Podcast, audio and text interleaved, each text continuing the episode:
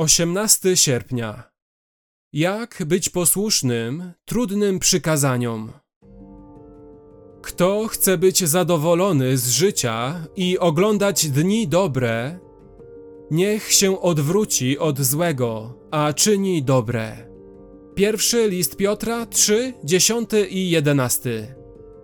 Istnieje tylko jeden podstawowy powód, dlaczego nie jesteśmy posłuszni przykazaniom Jezusa. Jest tak dlatego, ponieważ nie jesteśmy w głębi serca przekonani, że posłuszeństwo przyniesie więcej błogosławieństwa niż nieposłuszeństwo. Nie pokładamy pełnej nadziei w Bożej obietnicy. Co Bóg obiecał? Piotr przekazuje nauczanie Jezusa w ten sposób: Nie oddawajcie złem za zło, ani obelgą za obelgę, lecz przeciwnie, błogosławcie, gdyż na to powołani zostaliście, abyście odziedziczyli błogosławieństwo. Bo kto chce być zadowolony z życia i oglądać dni dobre, niech się odwróci od złego, a czyni dobre.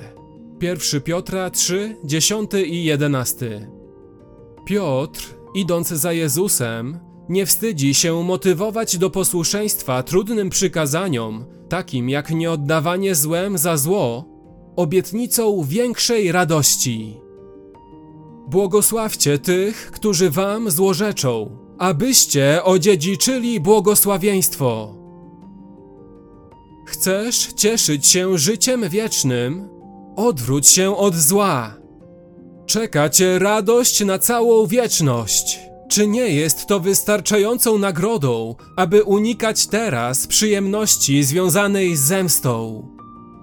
Zawsze będzie dla ciebie lepiej być posłusznym, niż być nieposłusznym Jezusowi. Nawet jeśli to posłuszeństwo będzie cię kosztowało życie. Jezus powiedział: Zaprawdę powiadam wam, nie ma takiego, kto by opuścił dom, albo braci, albo siostry, albo matkę, albo ojca, albo dzieci, albo pola dla mnie i dla Ewangelii, który by nie otrzymał stokrotnie teraz, choć wśród prześladowań, a w nadchodzącym czasie żywota wiecznego. Marka 10, 29 i 30.